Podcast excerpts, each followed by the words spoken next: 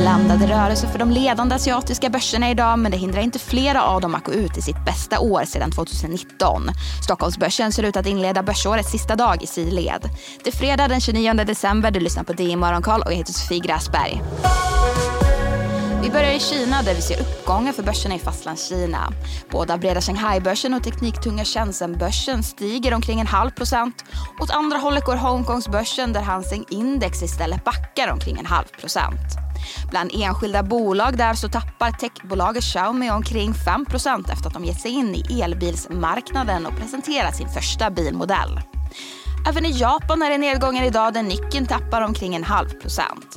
Desto gladare är det i Sydkorea där tekniktunga Kostak stiger omkring 0,8% medan breda Kospi är upp omkring 1,5 och med bara timmar kvar av börsåret så kan vi konstatera att Kinas CSI 300-index tappat 11% i år medan Hanseng Index i Hongkong är ner 13% Bättre ser det ut för Nikken i Tokyo som stigit omkring 28% i år.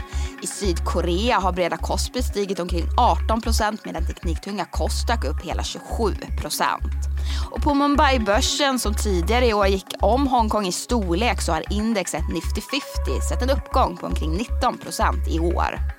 Vidare till USA där det var en stillsam näst sista handelsdag. Båda breda S&P 500 och tekniktunga Nasdaq stängde kring nollan där den senare hamnade strax under.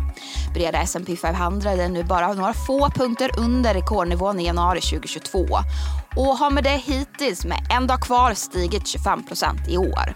Bland enskilda bolag så kan konstateras att Tesla rekylerar neråt efter onsdagens uppgångar och ett pressat oljepris fick oljejätten Chevron att backa närmare 1,5 Samma rörelse såg flera sektorkollegor och oljepriset som har fallit tillbaka något efter en blandad bild av efterfrågan stabiliseras åter nu på morgonen och ett fat bränt kostar nu omkring 77 dollar fatet.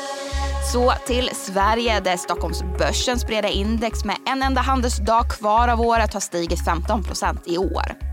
På nyhetsfronten, kycklingsbolaget Scandi Standards portugisiska storägare Grupo Luis Aves tankar ytterligare aktier i bolaget för drygt 2,1 miljoner kronor.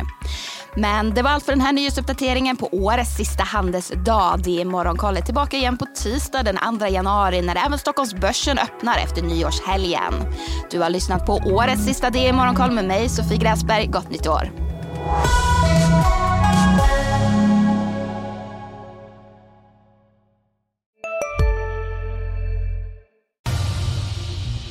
Expressen gör varje vecka podden Politikrummet där vi djupdyker i det senaste och viktigaste inom svensk politik. Med mig, Filippa Rogvall, som programledare tillsammans med mina vassa kollegor. Och det är ju ni som heter Thomas Nordenskjöld, Anette Holmqvist och Viktor Bartkron. Politikrummet kommer med ett nytt avsnitt varje tisdag. Vi hörs.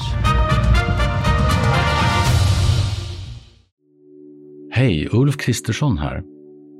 På många sätt är det en mörk tid vi lever i. Men nu tar vi ett stort steg för att göra Sverige till en tryggare och säkrare plats. Sverige är nu medlem i Nato. En för alla, alla för en.